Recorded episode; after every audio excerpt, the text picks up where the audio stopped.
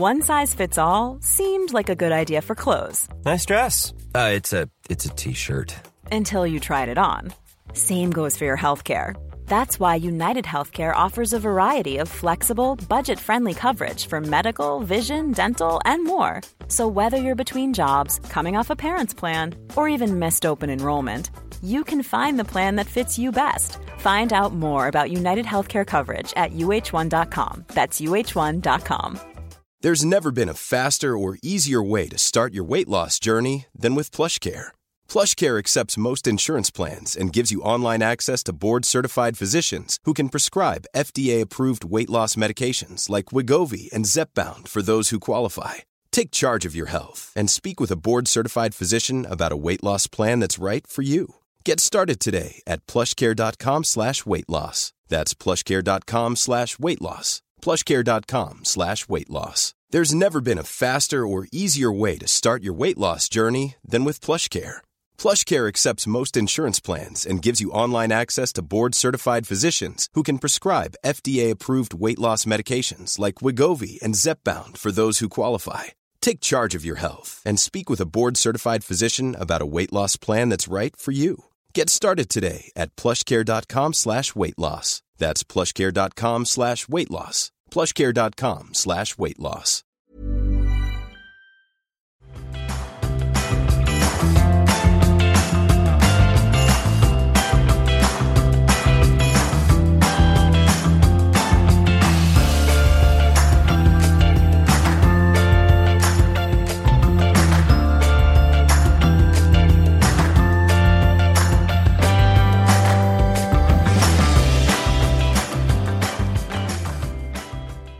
Välkomna till veckans Börsmagasinet avsnitt nummer fyra.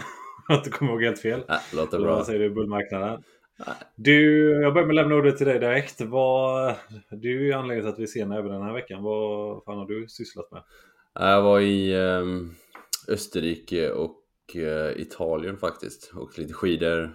Ehm, var på ett termiskt spa en dag efter att vi landade i Innsbruck. Tog oss ner till eh, Italien, eh, Sölden. Och där och åkte skidor i min eh, nya RVRC-jacka. Ehm, riktigt bra grejer. Ehm, och ja, drack en del Bombardinos och åkte skidor ett par dagar. Men nu är jag tillbaks hemma, så redo för, redo för podd. Ehm, ja, Gött. Vad var de största intrycken då? Var det några goda bastuupplevelser med äldre tyska damer eller vad hände? faktiskt både damer och herrar skulle man vilja säga. De, har, Ah, kul! Ja, jo men så är det.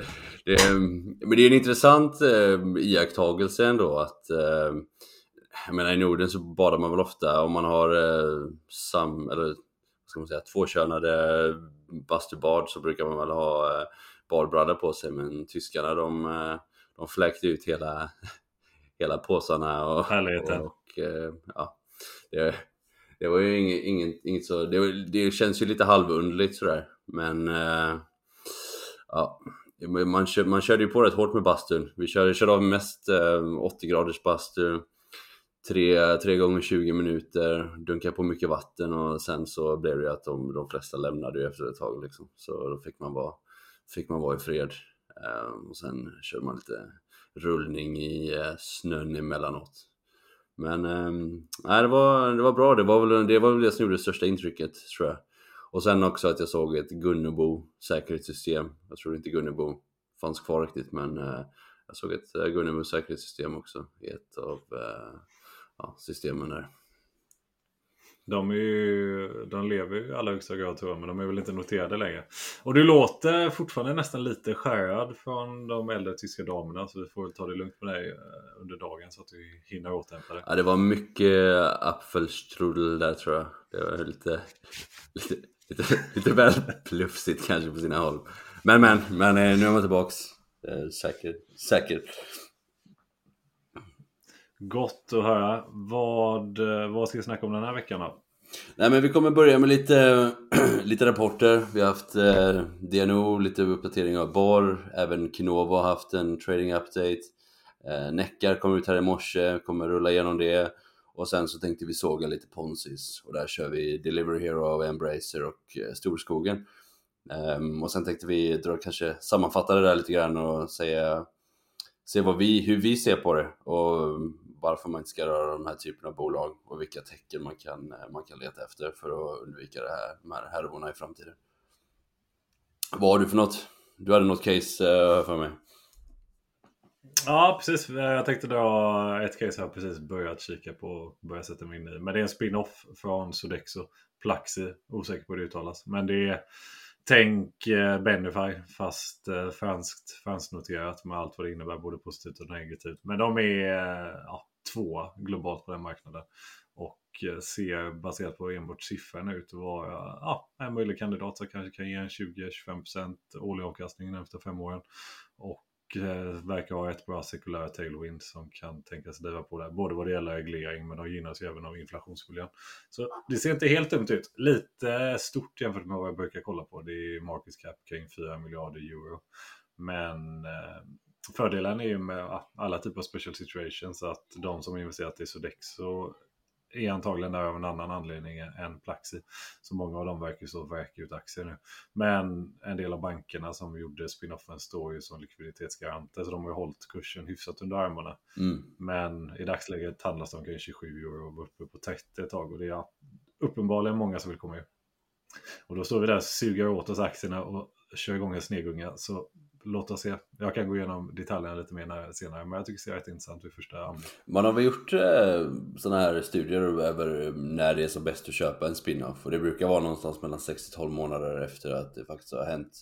Eh, så att ge sig in i en spin-off precis när det, när det sker eh, brukar inte vara den mest framgångsrika strategin. Men eh, det är klart, det är, det är kvantitativt baserat så det är klart att det finns eh, undantag där också. Men eh, det är väl något som mm. hålla koll på kanske.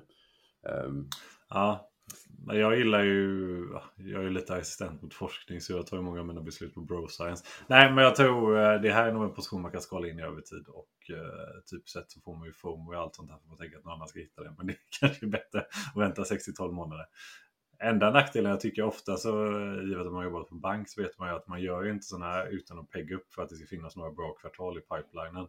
Så, eh, så länge kvartalen kommer in bra så hoppas man att det finns tagen på de aktierna som vill komma ut. Men mm. vem vet? Jag tror oavsett kan vara intressant case på några år sedan. Ja, har man ett moderbolag eller en moder som är ja, men solvent i alla fall så tenderar det väl att, eh, tenderar väl att eh, det, det är uppeggat i alla fall klart att det kan ske annorlunda om det är, om det är att man ska dumpa av massa skulder och sådär.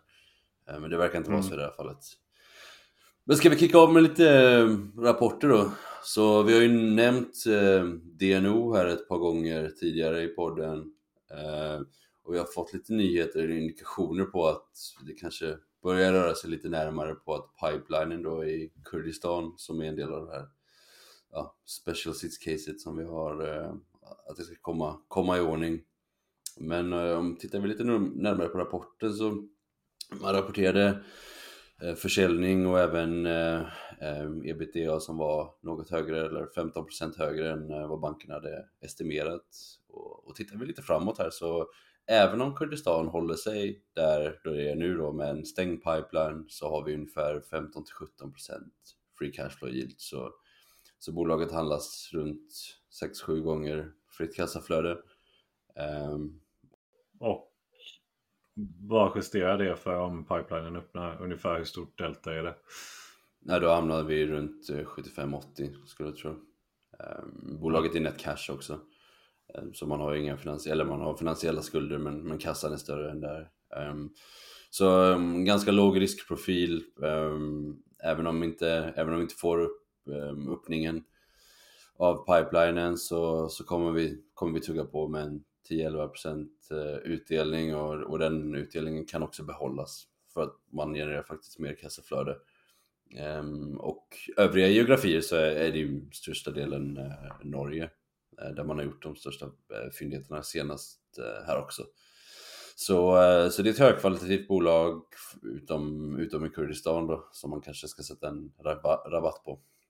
Um, men idag så säljer man ungefär för 33 till 35 dollar fatet i Kurdistan. Man gör ungefär 100 miljoner dollar i, eh, i fritt kassaflöde där nere, även på, på nuvarande nivåer. och eh, produktionen rampar upp ganska, ganska bra trots, trots det här. Ehm, och det man får göra nu är att sälja till lokala spelare som eh, plockar in oljan på lastbil istället för att man kan stoppa in det i pipen. Och det gör att köparen av oljan måste betala logistikkostnader för att få ut oljan ur landet eller få, ja, det är en, det är en, det är en jobbigare, en mer arbetsintensiv process att få ut oljan, vilket gör att man måste sälja den till rabatt. Men om man då kan använda pipelinen som går genom eh, Irak och, och, eh, och även Turkiet här och så, eh, så, så kommer man kunna ta ett bättre pris och allt det där kommer trilla rakt ner på, på bottom line. Ehm, och då ska nog aktien upp betydligt från, från nuvarande nivåer. Så där är vi. Det kommer att bli volatilt, eh, men det är väl, eh, ja, det är väl ingenting vi har något emot. Så, så, länge, så länge saker ser ut att det rör sig åt rätt håll.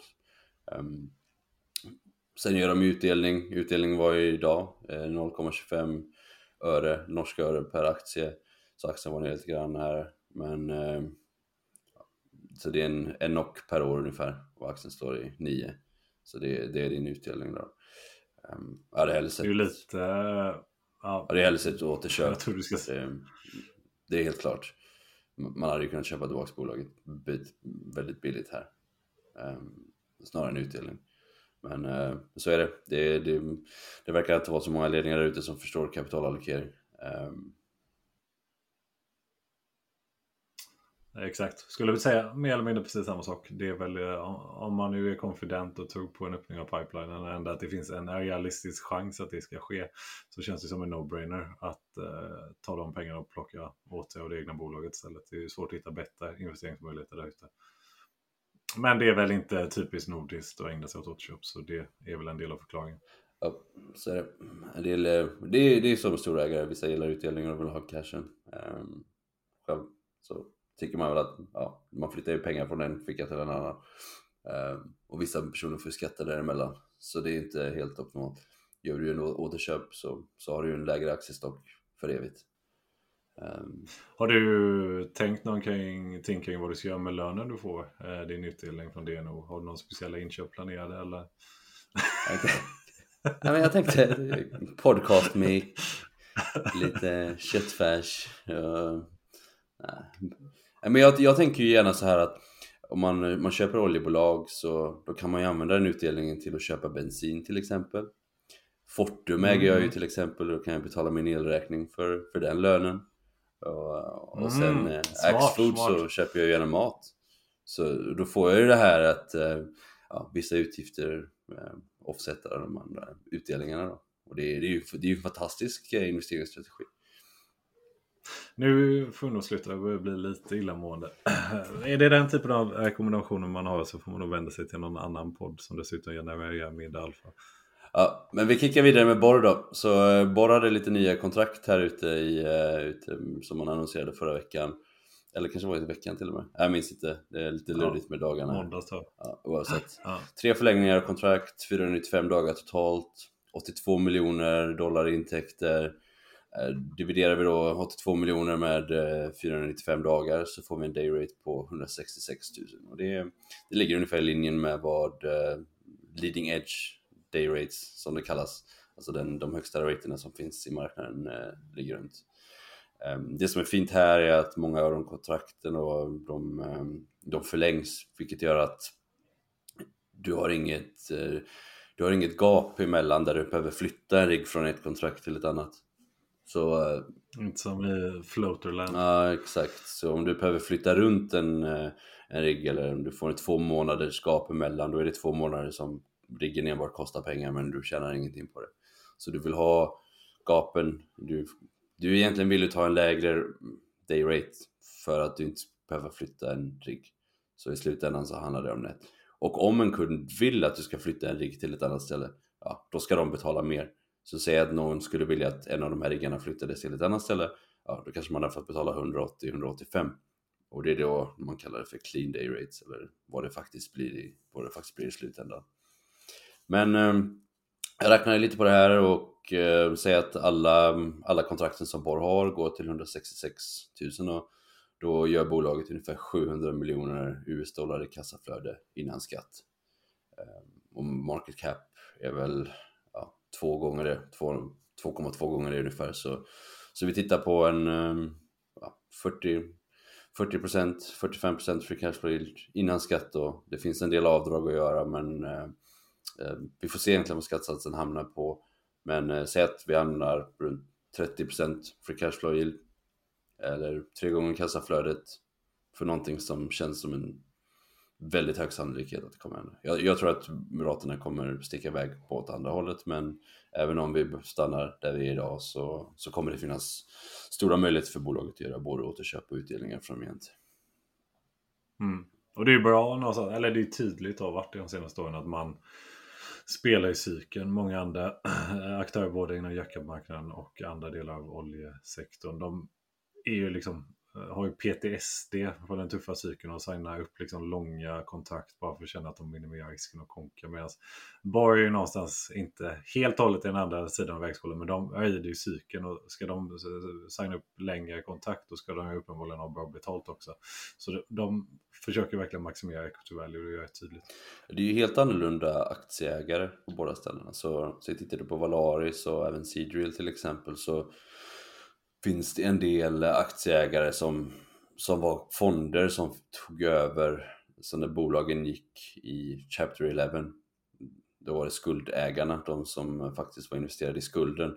De fick ta över aktier eh, så ofta någonting som händer när ett bolag går i konkurs och går igenom då rekonstruktion är att de som äger skulderna ehm, ja, de får ta över tillgångarna i bolaget och det är det som har hänt och de personerna är inte intresserade av att maximera en uppsida utan de har ju redan tjänat många gånger pengarna på, på sin investering i och med att de fick ta över eh, aktievärdet och de kommer ju sälja här fram, framöver. Um, och det, det, är så det fungerar. Um, så du, du har ett management team som, som har ägare där största intresset är inte att maximera aktieägarvärde utan det är att um, ta en så låg risk som möjligt. Borr är väl nog ja, så annorlunda det går egentligen, utan de, de vill ju maximera uppsidan i cykeln. Och det, det, har, det har de gjort bra hittills, um, även om balansräkningen var väldigt stretchad um, de senaste åren. Men det där, det där löser sig ganska snabbt och varje dag så kommer vi, kommer vi närmare och närmare en, um, ja, en stark balansräkning. Och jag tror att eh, man kommer kunna bli riktigt aggressiva nu kommande två åren. Gott. Ja. Låt oss hoppas. Vi har en del av våra portföljer i det bolaget. Skulle du hoppa in på något nu eller? Var det något franskt eh, bolag? Ja, absolut. Nej men låt oss köra Plaxi eh, spin-off från Sodexo. Jag tror de första handelsdagen var nog första februari. Vad är Sodexo för något? Kan du börja där? Eh, franskt, eh, vad ska jag säga, hospitality servicebolag. Jag vet inte vad man känner igen dem mest från, men de driftar ju liksom matcantins, eh, vad säger man? Matbespisningar för företag, mm. Eh, driftar städ. Catering egentligen för företag va? Så de gör väl typ ja. personalmatsalar och brickluncher och sådana där grejer. Ja, ofta är det om man har varit på någon dassig industrisajt och käkat lunch där, då är det liksom 30% chans att det är Sodexo, 30% chans att det är Compass Group och sen finns det ett tredje bolag som står inom den sektorn. De kör liksom industriproduktion av halvdanmat för industriarbetare men de kör även en del mer white collar restauranger. Men det är kanske inte den roligaste businessen men det är ju i linje med trenden de senaste 20 åren att man outsourcar så mycket av driften av ett kontor eller en manufacturing site man bara kan. Och tar man in någon som är experter på det som har stordriftsfördelar och kan göra det bättre. Eh, så det är liksom en, inte den sexigaste businessen men eh, ja, har gått relativt bra. Men nu har man den här Plaxi då som startades inhouse för typ 40 år sedan och sånt. Liksom har sitt, år, sitt ursprung från eh, food stamps, matkuponger. Det är många länder är det en skattefri eh, förmån som man kan ge de anställda med just matkuponger eller andra liknande förmåner. I Sverige är det mest eller det vanligaste i Sverige är ju friskvårdsbidrag exempelvis som är skattefritt för arbetsgivaren och är det som förmån och det driver ett incitament i samhället att folk ska köpa träningskort och man ska upp investera i den sektorn. Och eh, från början var det liksom pappersbaserat, numera är 90% av affären digital. Eh, det finns en annan stor fransk konkurrent som heter Edenred eh, som är något större och är ledare globalt. Eh, jag tror det mest relevanta exemplet här, exemplet här i Sverige är Benify. Som jag vet att många bolag kör. Som är, jag tror de är private equity-ägda men startade i Sverige.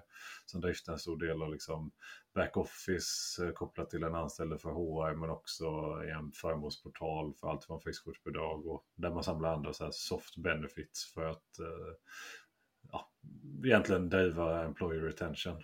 Jag tror att man kan vara betydligt mer aggressiv i många andra länder än Sverige vad det gäller faktiska monetära bidrag. Eh, du har en stark eh, regulatorisk drivkraft med där med många marknader kräver att det här ska ske digitalt, att det inte ska vara fysiska matkuponger eller fysiska värdekuponger eller dylikt. Då det dels driver mycket administration och är svårt att följa upp i efterhand för skattemyndigheterna. Så det här är egentligen en uppföljare till typ en digitaliserad rikskupong heter det väl? Eh, som ja, farsan hade som häfte när man var liten. Ja. Jo, absolut. Eh, more or less. Och eh, det är ju det som är fördelen är att de har ju growth drivers från dels digitaliseringen som eh, är reglering som driver det. Men sen är det ofta att de här liksom, trösklarna för hur mycket du kan ge i icke skatt, alltså saker och ting som inte behöver skattas. De följer ofta ett inflationsjusterat tal. Så det är dels haft en rejäl step-up i många länder i termer av hur mycket du kan ge den enskilda anställda. Och eh, sen har du dessutom haft, liksom, det är relativt hårt krig om talanger globalt. Och det här är då mindre kostsamt än att ge någon en löneökning. Jag såg någon undersökning i Frankrike där man beräknade att ge någon 1000 euro i matkuponger jämfört med att höja någons lön 1000 euro så sparar du som företag 35% på det. Så det är ju bra. Eh, jag tror många företag toppar heller ut den eh, fria kvoten av här jämfört med att höja lönen motsvarande. Och det blir förmånligt både för den anställda och arbetsgivaren. Och du säkerställer någonstans att pengarna kommer i allians i samhället med. Så om du typ sett så är många, Plax exempelvis har samarbete med många av food delivery-plattformarna. Så du säkerställer att typ sett låginkomstjobb skapas också i urbana miljöer.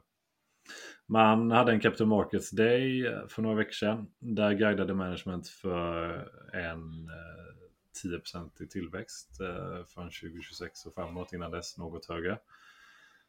Man har i dagsläget en 34% ebitda-marginal. Eh, man guidade för 37% plus från 2026 och beyond. Man handlas i dagsläget baserat på de liksom målen handlas, eller baserat på det man levererar i dagsläget och de målen handlas man på EV ebit 9. Eh, den stora appearance jag nämnde, en Edenred, de handlas 14-15 gånger eh, ebit. Men det är ganska låg värdering, för jag för mig jag kollade på Edenred um, ett gäng år sedan. Och då har jag för mig att det handlades mm. betydligt dyrare än vad det, än vad det gör nu. Har det, har det kommit ner uh, värderingen där historiskt eller är det eller ja, där de har handlats ungefär. Sodexo till exempel har ju alltid handlats billigare. Det har ju varit eh, typ ja. 6-7 eh, gånger eller kanske max 10. Um, ehm, men det är mycket mer personalintensiv uh, typ av, uh, typ av op operationer man håller på med. Mm, ja, det går ut skala på samma sätt. Jag har faktiskt ingen koll på multiplarna över tid på Edenred, men spontant så tycker jag att 14-15x för den här typen av business framstår som det är inte så att det är stretchat. Det är inte så mycket andra värderingar som är liksom i den digitala världen. Eh, bolaget har netcash. Man har en hel del cash på balansräkningen som är restricted i och med att man har negativ networking capital. Så man har ju fått betalt för liksom när företagen har köpt eh, matkuponger. Och då har man ett commitment på andra sidan när man ska betala vendors för det. Så man kan inte använda allt som finns i kassan. Däremot så sätter man kassan i arbete eh, och skapar liksom intäkter baserat på floaten. Så det är lite som en försäkringsbusiness på så sätt, men inte lika omfattande belopp. Så bolagen som är kunder då, eh, de betalar in pengar upfront eller direkt in till en pool och därefter så ja, sen så kom, är det upp till den anställde att lösa in det här som sker typ månadsvis. Så om du är anställd någonstans så din arbetsgivare stoppar in 500 euro per månad för att du ska kunna köpa mat för det och sen så kan du ta ut det under hela, ja, under hur lång tid du vill. Under den tiden då så har man ett eh, negativt rörelsekapital och då kan Plaxi använda det som en bank. Nej, exakt, mm. exakt. Och det gör man i dagsläget och jag tror du kanske inte går in och långa oljebolag i oljeservicesektorn för de pengarna utan det är ju primärt Eh, ränteförvaltning. Men givet att det är en annan räntemiljö nu än vad det var för två år sedan så får du en annan avkastning på de pengarna också. Och om inte annat har du inflation protection vilket är eh, kappar nedsidan något på det. De har eh, haft eh, artificiellt hög capex eh, de senaste åren enligt management guidance. Det är för att man initialt, och det är väl antagligen en effekt av att man har varit en del av Sodexo som har driftat matsalar snarare än att drifta en digital eh, tjänsteportfölj. Som har varit eftersatt och det lite capex. Så den har varit artificiellt hög de senaste åren för att investera i cap. Nu har man tagit mycket IT-investeringar och enligt management i maj då för att kunna skala tillväxten baserat på det. Och capex borde komma ner och normaliseras till något lägre eh, nivåer än vad det varit historiskt. Just i dagsläget så trycker man ut 11% av sales i capex medan Edenred trycker ut 7%. I viss mån finns det såklart en skalfördel i det här också. Och det, ja, det finns ju enorma skalfördelar på SGNA också, vilket gör att marginalmålet om att man ska lyfta ebitda med 3 procentenheter låter inte helt uh, out of whack, utan det verkar ju realistiskt. Och uh, skulle man ta upp på en ebitda-marginal som kommer upp till och med något mer när du handlar, upp norr om 40% som Edenred och dessutom lyckas leverera en försäljningstillväxt närmsta 10 år med en Kager på istället för 10% 12% så slår ju det igenom extremt hårt på uh, förväntad avkastning närmsta 10 åren. Så du har ett bolag egentligen som har 34% ebitda-marginal idag man spenderar mm. 11% i investeringar. Um, så det handlar runt 22-23% uh, ebitda minus capex. Men Edenred då handlas 42% marginal och de har 7% i capex så handlar runt 35 typ. Så det borde finnas en ja. 12-13% uppsida i fri kassaflödesmarginal här över de kommande, låt säga 5-6 åren kanske. Och om det växer tvåsiffrigt på toppen, då ska inte det här bolaget handlas nio gånger, då ska det handlas till 20. Um. Ehm. Ja. Exakt, så det känns som en, ja, lite för stort egentligen för min e-, egna smak, men jag tror det här kan nog bli en compounder som kan eh, liksom tugga på 15-25% om året närmsta 5-10 åren lätt. Och dessutom, det är fortfarande en väldigt fragmenterad marknad globalt. Det finns en möjlighet, jag tror en stor fördel att spinnas ut är att nu har du full kraft över, eller du kan bestämma kapitalallokering själv. Du kan, eh, managementet själv har sagt att man vill ut och vara en aktiv eh, part i konsolideringar globalt. Man vill eh, allokera mer pengar till tillväxt. Tidigare har ju liksom Sodexo kallat upp pengarna och eh, antingen delat ut dem till aktieägarna eller gjort något annat med. Jag tror att det finns en eh, rätt stor drivkraft i att en sån här organisation som är så pass olik sin kärnaffär att få stå på egna ben och där du har ett management som är centralized därefter. Bara det är en stark drivkraft. Sen ser det ut som på siffrorna som att det finns rätt stor potential där under med. Och det här är ett bolag, nu har de ju risken med den här typen av bolag att en private equity kommer in och plockar det. Men eh, ägarfamiljen i Sodexo som har typ 55-60% av Sodexo, de är, är lika stora ägare här då av naturliga skäl. Och eh, de har i bakgrunden finns det något trust commitment från eh, tidigare generation som gör att eh, de får liksom mer eller mindre inte sälja aktier under eh, rätt många år. Så man har en stabil ägare som blockar eventuellt intresse för private equity och du har ett management team som troligen är redo att exekvera på det de har velat göra under många år. Så jag tycker det verkar rätt spännande och kommer gräva djupare i det. Har köpt en mindre position initialt när Avanza äntligen öppnade upp för möjlighet att handla i aktier. Men kan bli någonting som ökar över tid. Jag såg att det var 87 ägare redan på Avanza så det, det um verkar ha kommit in lite grann och de, den har bara funnits några dagar på Avanza tror jag. Så verkar... mm. Jag skulle gissa, det är säkert ett gäng, om man, om man kollar Sodexos antal ägare skulle jag gissa ah, att okay. kanske 82. Vänta, jag ska kolla vad Sodexo har. Mm. Det bästa har varit om Sodexo har 1000 så att folk redan börjat sälja ut sig. Mm. 91 ägare på Sodexo. Okej, okay. ja. okay, så det är ingen egentligen som har hittat det um, själv ännu? Nej, det är Bernsås. Då går vi vidare till um, ett bolag som vi hade med i eh, första avsnittet, Kinovo, kom ut med en eh, trading update. Um, man säger att uh, kärnaffären går ganska bra. Uh, man siktar på omsättning på 65 miljoner i år um, och ebitda upp från minst, eller till minst 6,2 miljoner pund från 5,5.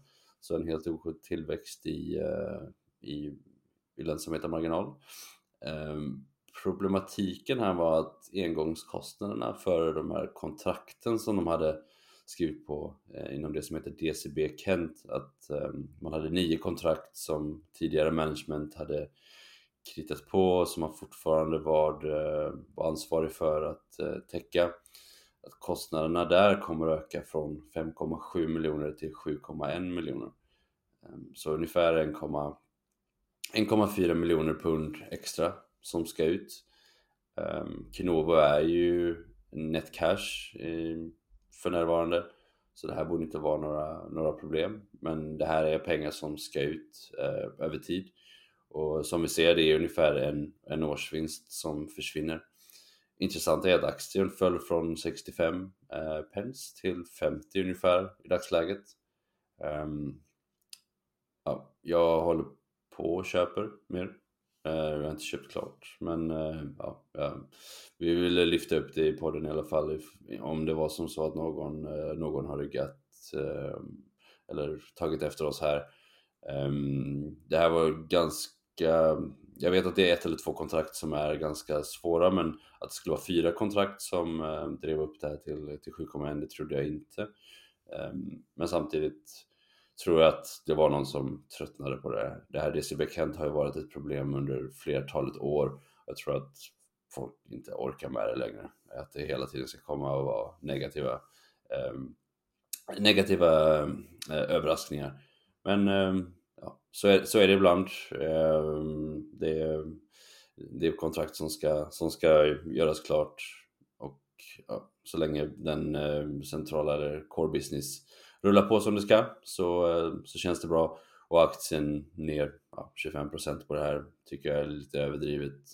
Ehm, så 10 miljoner på market cap borta en, för en 1,5 eller 1,4 miljoner kostnad. Jag vet inte, vi har väl sett det här i Kindred och Betsson och alla andra bolag förut och det tenderar väl att vara bra tillfällen att köpa. Så, så stå på köpsidan här eh, tills vidare.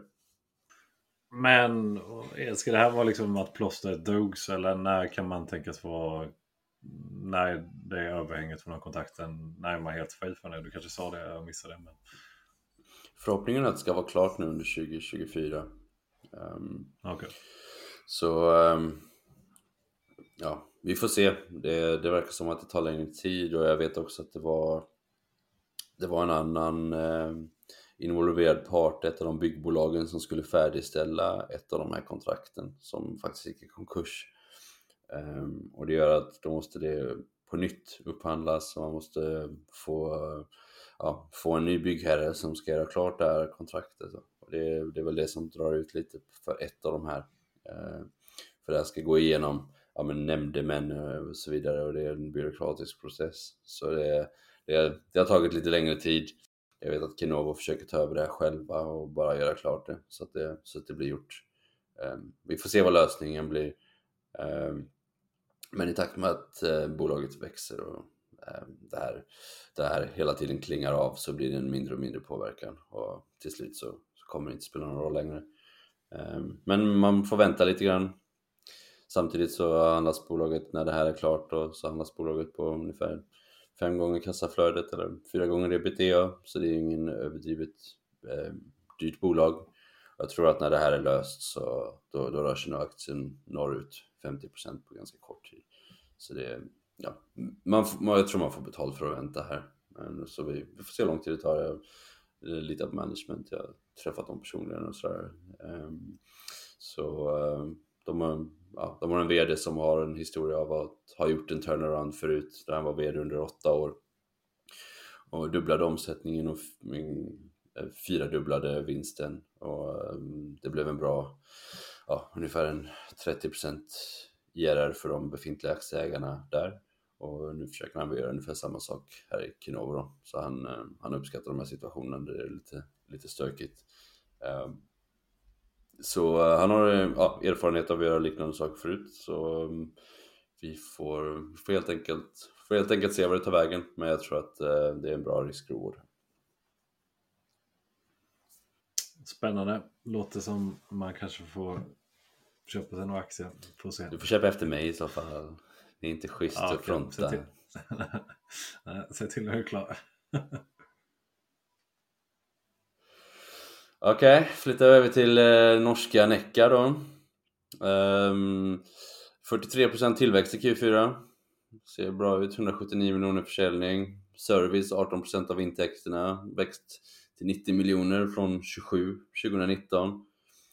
155 miljoner från Syncrolift i kvartalet så man levererar verkligen ut på de kontrakten som man har, eh, som man har haft efter förseningarna som hände under, eh, under mitten av början av detta året. Ehm, um, ebitda upp 136%, marginalen upp till 18 från 10,9 um, ehm, ja, och eh, ebit upp 233%. Um, 194 miljoner net cash, um, inga skulder och uh, man har fått lite orders och sådär. Det som, och det, ja, man gav också lite finansiella, finansiella nummer runt fisk det här lax, eh, man, laxodlingsburarna. Eh, Laxtäck. Laxtäcke, exakt. Så, så där gav man lite och det, det är ju olönsamt. Så jag vet inte hur mycket engångskostnader och sådär går in. Men eh, man gjorde väl en förlust här i kvartalet. Eh, och det, ja, vi får se. Man, eh, man gjorde ju en rekonstruktion av vissa delar av bolaget. Så vi kommer väl se här under året 2024 hur, eh, hur, väl, hur väl det kommer falla ut men eh, troligtvis kommer man skära bort eh, olönsamma delar och jag har hört också att man har höjt priserna ganska rejält på mycket av produkterna. Så vi får se var volymerna hamnar när priserna har höjts men det kanske blir lite lägre omsättning i år. Och, um, och sen får man, får man växa på en ny bas helt enkelt. Um, mm, mm. Vi får se om fisken flyter. Ja, ja men exakt. Men jag vet inte, det, det känns väl, det känns väl okej. Okay. Det enda som jag reagerade på var att man säger vi, vi spådde ju att man skulle växa ganska snabbt i andra, andra halvan av 2023. Men nu ser det ut som att om man levererar på den backloggen man ser här så ser man under både 2024 och 2025 så siktar man på en synkrolyftleverans om 555 miljoner. Givet att hela Necka gjorde 575 miljoner, ja, runt, runt, runt där Ehm, under 2023 så, så måste det in nya kontrakt. För annars kommer det ju bli negativ tillväxt. Um, I alla fall organiskt. Uh, du kommer ju ha de andra delarna som kommer driva på grund av att de har gjort förvärv men organisk tillväxt kommer ju komma ner ganska kraftigt i så fall. Um, så um, ja, vi får, vi får se vad det, vad det är bra. Um, men det var, något, det var en sak som jag reagerade på. Och de kontakten behöver väl kanske komma in relativt snart med givet att eh, det är inte är overnight som du kan börja charge revenues. Nej, det är ju långa ledtider i de här kontrakten. Jag menar, eh, det, det, det, tar ju lång tid innan man börjar starta och räkna av kontrakt, eh, kontrakten och allting ska placeras med underleverantörer och så vidare. Så det, det, det sker inte över natt. Det är inte som när, ett, när Evolution öppnar upp med en ny operatör att man slår på revenues direkt. Men med det sagt så vet vi att det finns många projekt i pipelinen så om man utvärderar det på längre än ett kvartal så borde det finnas en hel del tillväxt att hämta i marknaden de stora. A lot can happen in three years, like a chatbot may be your new best friend. But what won't change? Needing health insurance. United Healthcare Tri Term Medical Plans, underwritten by Golden Rule Insurance Company, offer flexible, budget friendly coverage that lasts nearly three years in some states. Learn more at uh1.com. I'm Sandra, and I'm just the professional your small business was looking for. But you didn't hire me because you didn't use LinkedIn jobs. LinkedIn has professionals you can't find anywhere else, including those who aren't actively looking for a new job but might be open to the perfect role, like me. In a given month, over 70% of LinkedIn users don't visit other leading job sites. So if you're not looking on LinkedIn, you'll miss out on great candidates like Sandra. Start hiring professionals like a professional. Post your free job on linkedin.com/people today. Så är det, så är det. Då går vi in i andra delen av eh, dagens avsnitt. Ponzi... Det är Techbass ja, nu är det. Ponzi-magasinet. Mm. Det är lite ditt huvudnummer men jag kan få dra två äh, saker jag sett idag och då bara på jag tänker på att det finns en viss tillnyktring i vissa tech-ponzi-bolag. Och Jag såg att både Voi, de sparkar 12% av personalen eh, och eh, Desenio eller vad fan de heter, de sparkar 10% av personalen. Plunge. Så det verkar, ja, det verkar gå sådär i Plunge och Scooter Tech. Men eh, det kanske inte var de bolagen jag tänkte snacka om, du kanske hade några andra. Nej men eh, det har ju varit lite så här. Vi har kollat lite Delivery Hero. Vi drog ju det för inte så länge sedan. Eh, Embracer var ute idag. Storskogen var ute idag. Det har varit mycket grejer i, eh, i sektorn. Och allting som är, jag menar, tittar man på de här bolagen så har ju antalet utstående aktier har ju mångdubblats. Skulderna har gått upp och man har köpt grejer till absoluta peakmultiplar och man har blivit väl applåderad när pengar var gratis. Men nu, ja, nu finns det ju ingen väg ut. Utan nu måste man krympa sig till eh, någon form av prime. Och då är man ju tillbaks där man var för 5-6 år sedan. Fast man har skuld istället. Och man, har, man är många gånger större men man har mycket sämre kvalitet i, eh, i operationen. Så börjar vi kolla på... Men då kan man växa. Ja men exakt, nu hittar man en ny bas att växa på och man har liksom man har förstört så enormt mycket värde. Vi kollar på Delivery till exempel. Så bolaget förlorade typ varje viktig marknad till konkurrensen i Europa. Och man expanderade genom att man gav sig in på emerging markets, det var Latinamerika och även Sydostasien. Man, hade, man gjorde en sak som var ganska bra, så man hade en stark business i Sydkorea. Eh, den var rätt undermålig och dålig, men man lyckades genom att sin skala, man var större än sin konkurrent där, som hade en bättre kvalitativ business. Så man gick stenhårt på marknadsföring och man lyckades egentligen röka ut sin konkurrent. Så man, man köpte sin konkurrent för 4 miljarder dollar. Eh, det här var då 2020. Och man var då tvungen att sälja sin existerande business. Så, så i, för att man skulle få igenom det här med konkurrensmyndigheterna, så för att köpa sin konkurrent så var man tvungen att sälja sitt eget bolag. Eh, och man sålde det till en tredje part, jag tror att det var en private equity-investerare men jag minns faktiskt inte riktigt. Um, och igår då så var efter att man gjorde resultat så var det lite frågor runt att hur ser ni då med framtiden med eh, Food Panda Brand runt om i Asien? Eh, Foodpanda då, de konkurrerar mycket med Grab som är en stor aktör i Asien. De har många olika länder men man är nummer två egentligen eller nummer tre på de flesta marknaderna. Därutöver så har man eh, då i Korea då eh, med Brothers kallas det för eller Beimin som det, som det heter också på, på koreanska. De har fått ganska stora problem för att eh, Kupang som är ett listat bolag också som kom till börsen 2021 eller 2022 som var ja, också high flying tech men som har en väldigt stark retail business som är lite mer som en Amazon typ i, fast i Sydkorea. De, eh, de trycker på ordentligt med marknadsföring och nu då så kommer man behöva eh, öka investeringarna i Sydkorea för att behålla det. Men det är också rykten om att man ska sälja Sydkorea. Och då var eh, VD Niklas Östberg ute och sa att ja, men vi kanske kan få en miljard euro för det här bolaget. Och många säger att det inte finns inte en chans att de skulle kunna få det. Men tänk då att ja, Delivery Hero tog på sig skuld för att köpa det här bolaget och nu säljer man det 75% ner. Eller man hoppas att man ska kunna få sälja det för 75% ner. Alltså kapitalförstöringen i den här industrin är helt absurd. Och om man, när man börjar läsa igenom finansiella delarna så kollar man liksom på ytan så ser det ju det, det ser ganska bra ut. Man, man växer, man säger att man växer, man ser att marginalerna börjar nå break-even, man säljer, eller, ja, man gör olika saker för att få upp marginalen.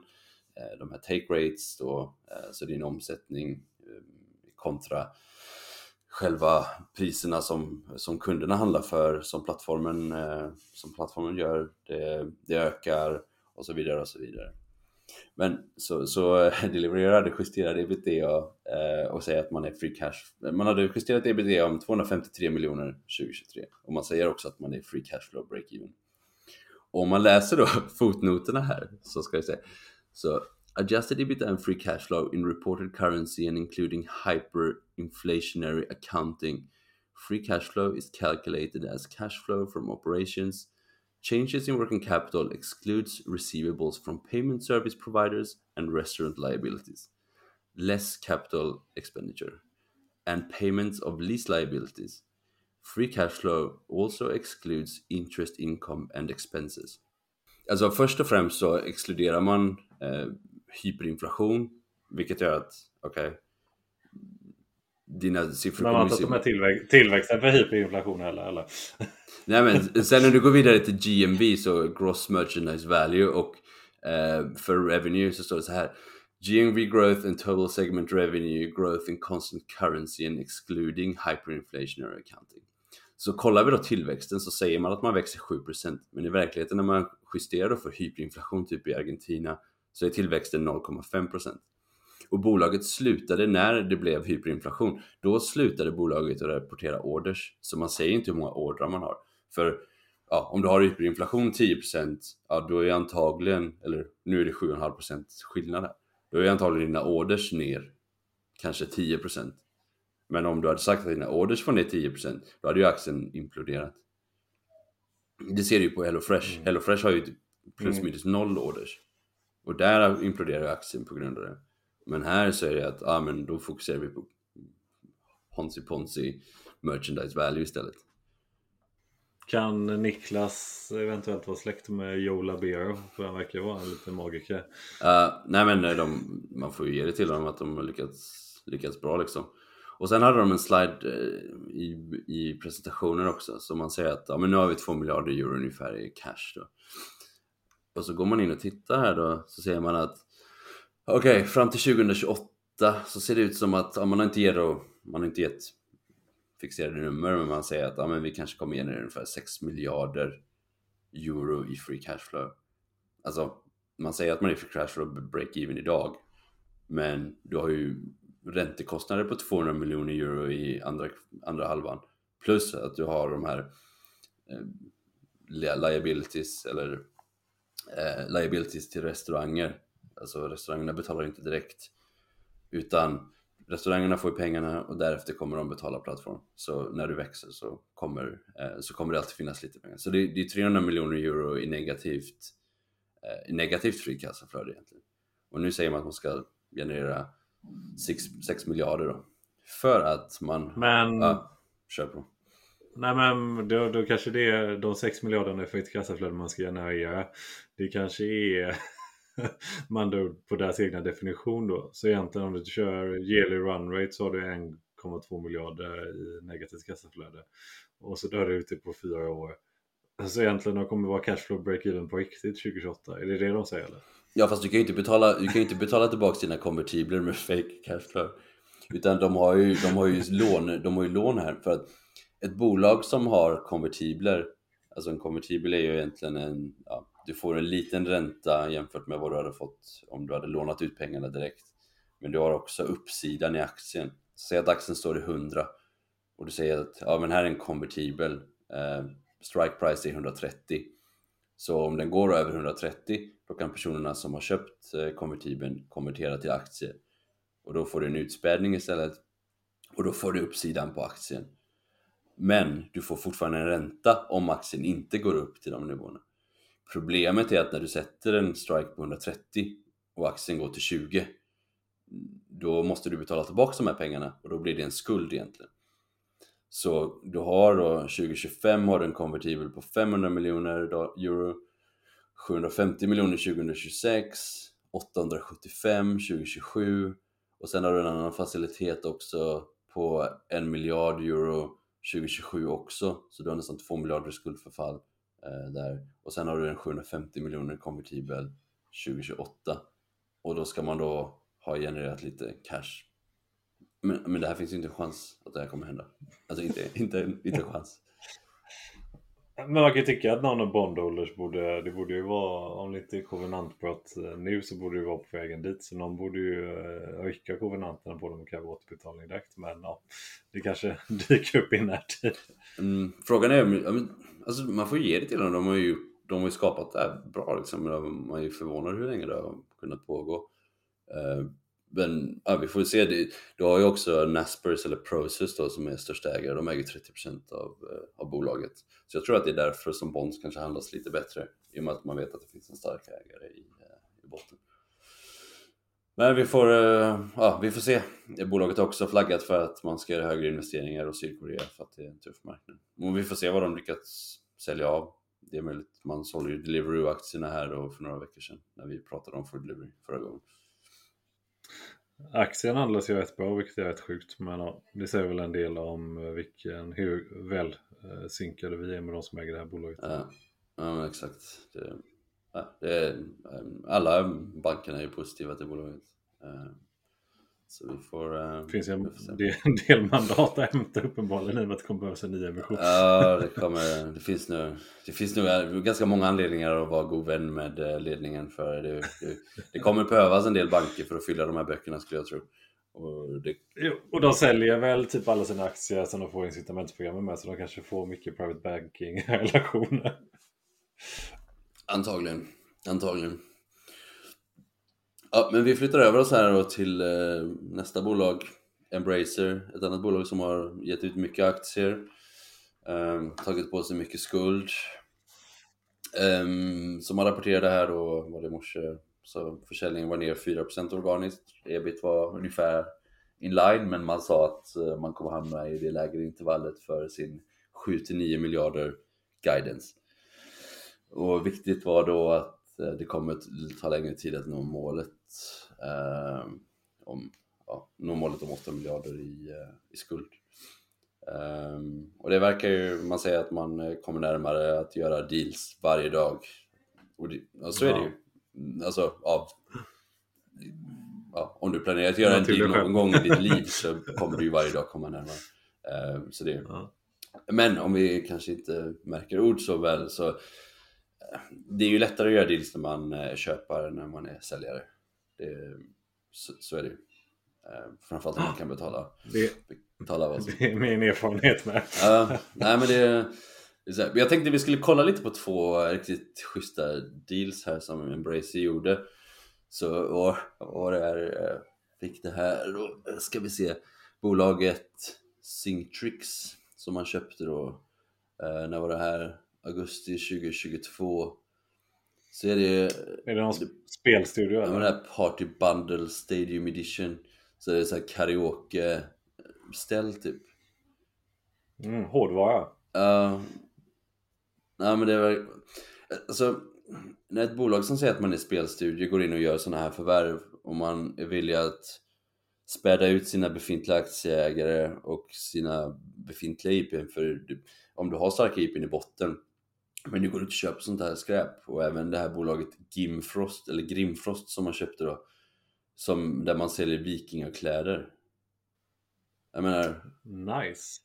jag menar, om jag kollar här på Viking Viborg Shirt Linen 70 dollar. Så kan du köpa någon så här ja men vikinga utstyrsel online. Jag, jag, vet inte om det här är det är lite som Storskogen som köper liksom eh, skolor i Singapore när ett bolag, det... när ett bolag tar, alltså be, när ett bolag späder ut sitt befintliga, sin befintliga aktieägarvärde för att köpa skräp så borde man känna att då borde röda flaggorna liksom ringa. Kan det vara att man vill konsolidera kundgruppen? Det är samma personer som eh, spelar datorspel, som larpar eh, vikingar på helgerna och sen på lördagskvällen kör de lite god eh, karaokekväll på lokala kinaket. Är det så smart han är Lars? Eller är det bara det att man vill köpa saker för att pumpa kursen? ja, jag vet inte. Men, men det blir så absurt på något sätt. För det, om, om, du kollar tillbaks på, på um, covid varenda bolag som gav ut aktier aggressivt och köpte grejer på peakvärderingar som typ någonsin har varit.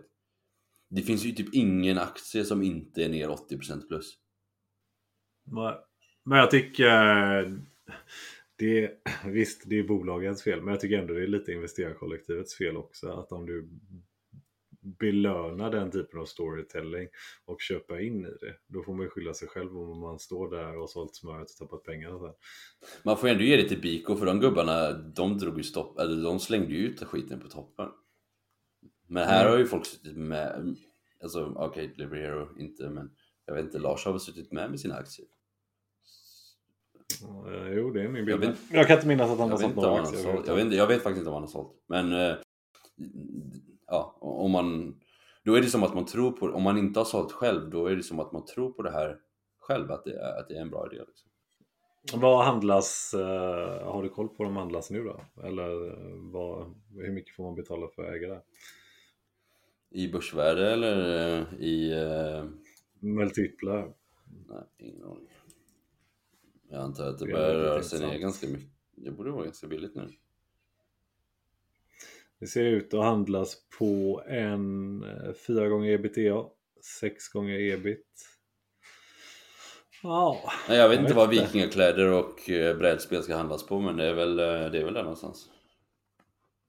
Ja, kanske något ner till och med. Det beror lite på, det är inte så mycket repetitiva intäkter. Men det kanske är bara maggar. När du har byggt de tre första karaoke-ställen så kanske du får ett bra schysst inkrementell marginal på 4-5. Det måste ju finnas, finnas mycket att skära här i alla fall. Så det borde ju vara ganska lätt att eh, skära bort. Man kan ju skära bort och lägga ner. Mm, Och det är väl där förhoppningen ligger, att man kan, att man kan göra något där. Ja. Risken är väl lite om man är så sentimental så att man fortsätter äga det hela vägen upp så kanske man är så sentimental som man inte vill sälja det man har byggt upp heller också. Men det låter som att man ska slänga ut en del saker bara och kanske vara glad att någon annan tar över det. Um, och sen hade vi eh, avslutningsvis då, så hade vi Storskogen också. Eh, jag, inte, jag tittade på lite på rapporten men det kändes inte... Ja, nu är aktien bara ner 22% av vad den är 27% som mest men det är ju ett ganska kraftigt fall för en aktie som redan har gått ner så mycket. Och här har du väl ändå en typ... Ja, det finns väl en hel del bra bolag inom koncernen men jag tror att ja, när du börjar, när du börjar avyttra grejer, tillväxten går negativ, EBIT, marginalerna börjar komma ner, tror att ebit var ner ja, 34% jämfört med förra året. Och man samtidigt har en två och en halv gånger eh, skuldsättning på, mot ebitda. Då, eh, ja, men då, blir det, då blir det tufft liksom. Då, då vill inte marknaden vara med. Det blir, det blir svårt för delikatesskungen att hålla hela bolaget under armarna. Det är många unga som ska ut och sälja salami i så fall. Kanske ja, tecken. borde vara det. Ja, nej men ehm, ja, i alla fall, eh, vi kan väl summera det här lite som att alltså, om ni ser bolag som späder ut, alltså ger ut aktier som ingenting, tar upp skuld och köper grejer till ja, troligtvis peak när det går som bäst. Så, ja, det är bara att hålla åt sig. Ehm, ett annat bolag som som var intressant när alla de här som Sinch och Storskogen och Embracer hade redan börjat komma ner. Ett annat bolag som är ganska aggressiva i sin förvärvsresa och är ju Advice. Och där har de gett ut mycket aktier. Eh, jag tror aktiestocken har väl ja, mångdubblats. Det är väl upp nästan ja, plus 6-7 gånger de senaste åren bara. Och man har gjort många, många förvärv. Och man har också haft förvärv som har avbrutits ganska att man har signat och sen avbrutits ganska snabbt. Jag vet inte vad det tyder på men eh, jag hade inte, jag, hade, jag hade varit rädd att äga ett sånt bolag. Givet track record av alla andra som har försökt att göra det här och blivit eh, kortsiktigt väldigt belönade men eh, långsiktigt har det ju gått väldigt snett. Så eh, ja, avslutningsvis då, dra öronen åt er eller tänk många gånger om om ni, om ni ser det här för du har ju bolag som Lifco, Lagerkrans, Adtech. De använder ju bara sitt kassaflöde. De köper bolag och de, de har ju förtjänat att göra de här förvärven för de genererar ju kassaflödet. De ger tillbaks visst till ägarna. Ehm, men, men de har ju bygg, hinner ju bygga en högkvalitativ organisation. För de adderar ju inte mer än 7-8% försäljningstillväxt varje år genom ehm, eller något sånt där ehm, genom att göra förvärven och då, ja, då har man ju förtjänat att göra det men när det adderas hundratals procent eller ja, upp mot de talen då, då är det svårt. Det är svårt att bygga bolag. Det, det går inte att göra en powerpoint-presentation på det. Jag tror att eh, allt allting är integrerat. Det finns bolag som är duktiga på att göra förvärv, men eh, ja, de här tre som vi har nämnt här är inte, inte tre av dem. Nej, det är väl skillnad på att förvärva bolag för att bygga en story eller fortsätta bygga på en story jämfört med att faktiskt köpa bolag för underliggande finansiell performance. Och dessutom där du typ Lifco och alla de bolagen, de handlas ju sjukt högt nu jämfört med vad de gjorde för typ 10 år sedan. Men de har ju som du säger förtjänat eh, den premiumen på grund av att man har gjort det kontinuerligt och bra. Och bolaget har fortsatt tugga på både organiskt och inorganiskt och säga vad man vill om multipelarbitrage. Det är ju liksom, man kan tycka att det är den mest ologiska för, förteelsen i världen. Men uppenbarligen är de duktiga på att hitta bra bolag till låga multiplar som de köper och sen när de visar sig att de är lika bra som helheten så handlas ju bolaget upp och den tillväxten handlas mm. upp. Liksom. Nej men om du kan ha om du har obefintlig eh, möjlighet att allokera kapital till och göra förvärv på ja, 5-6 gånger kassaflödet eller 5-6 gånger ebitda Alltså det kommer bli en snöboll som rullar snabbt till slut. Och det har ju de här mm. bolagen mm. visat. Och sen, sen kommer de handlas upp för att för oss i Sverige så spelar det inte så stor roll för vi kan ju sälja saker eh, utan att betala kapitalvinstskatt. Men för personer som sitter i USA eller många andra länder så vill du ha ett bolag som kan med väldigt hög sannolikhet växa vinsterna år, år in och år ut. Och om du då är en amerikan till exempel som driver en fond, ja, då kan du inte köpa och sälja utan att betala skatt. Det gör att om du placerar pengarna i Lifco och du vet att okej, okay, de här gubbarna kommer återinvestera kassaflödet varje år och min avkastning blir troligtvis någonstans mellan 12 till 15% per år om inte multipeln rör på sig. Okej, okay, då är det en extremt bra deal. För du kommer kunna compounda ditt kapital 12-15% per år utan att behöva betala skatt. För du kanske kan hålla det i 30, 40, 50 år. Och det är väldigt få investeringar du har sån hög sannolikhet.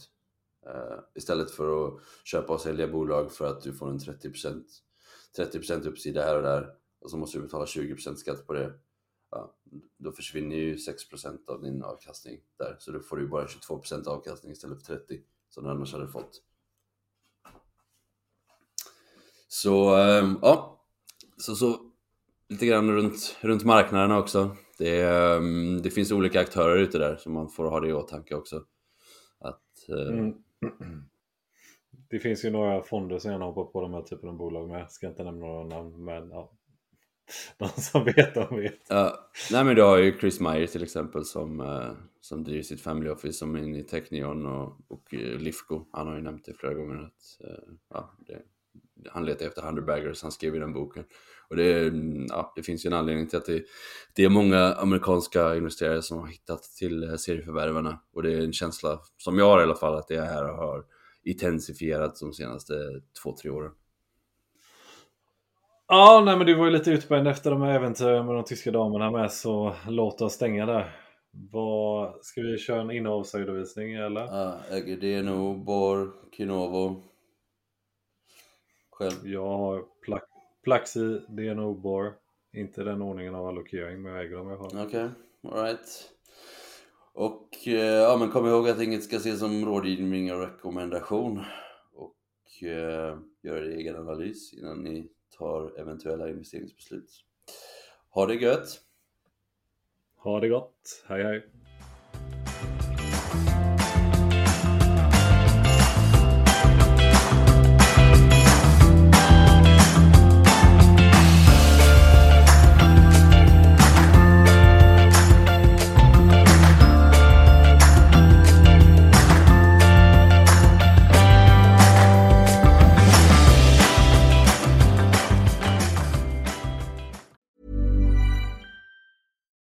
Deserves the best, and there's no better place to shop for Mother's Day than Whole Foods Market. They're your destination for unbeatable savings, from premium gifts to show-stopping flowers and irresistible desserts. Start by saving 33% with Prime on all body care and candles. Then get a 15-stem bunch of tulips for just $9.99 each with Prime. Round out Mom's menu with festive rosé, irresistible berry chantilly cake, and more special treats. Come celebrate Mother's Day at Whole Foods Market. Hey, it's Danny Pellegrino from Everything Iconic.